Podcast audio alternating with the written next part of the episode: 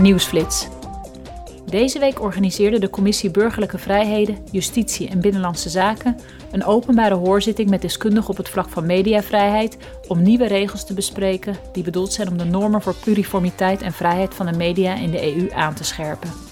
Het voorstel van de commissie van september vorig jaar werd warm onthaald door de leden van het parlement. Zij benadrukte dat het wetgevingsproces dringend moet worden afgerond, waarbij wel rekening moet worden gehouden met de externe en interne bedreigingen voor mediavrijheid en pluriformiteit. Vandaag zal het Europees Parlement bespreken hoe de EU Oekraïne verder kan ondersteunen in de strijd tegen de Russische invasie.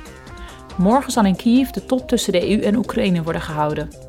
De leiders van beide partners zullen komen te spreken over financiële en militaire steun voor de regering in Kiev en over de volgende stappen in verband met het verzoek van Oekraïne om lid te worden van de EU.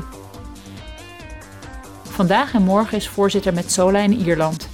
Daar zal zij een gezamenlijke vergadering van het Hoger en Lagerhuis van het Ierse parlement toespreken. Ook zal ze premier Leo Varadkar ontmoeten. Morgen zal Metsola spreken met de Ierse president Michael D. Higgins en zal ze deelnemen aan een informeel gesprek met Ierse jongeren.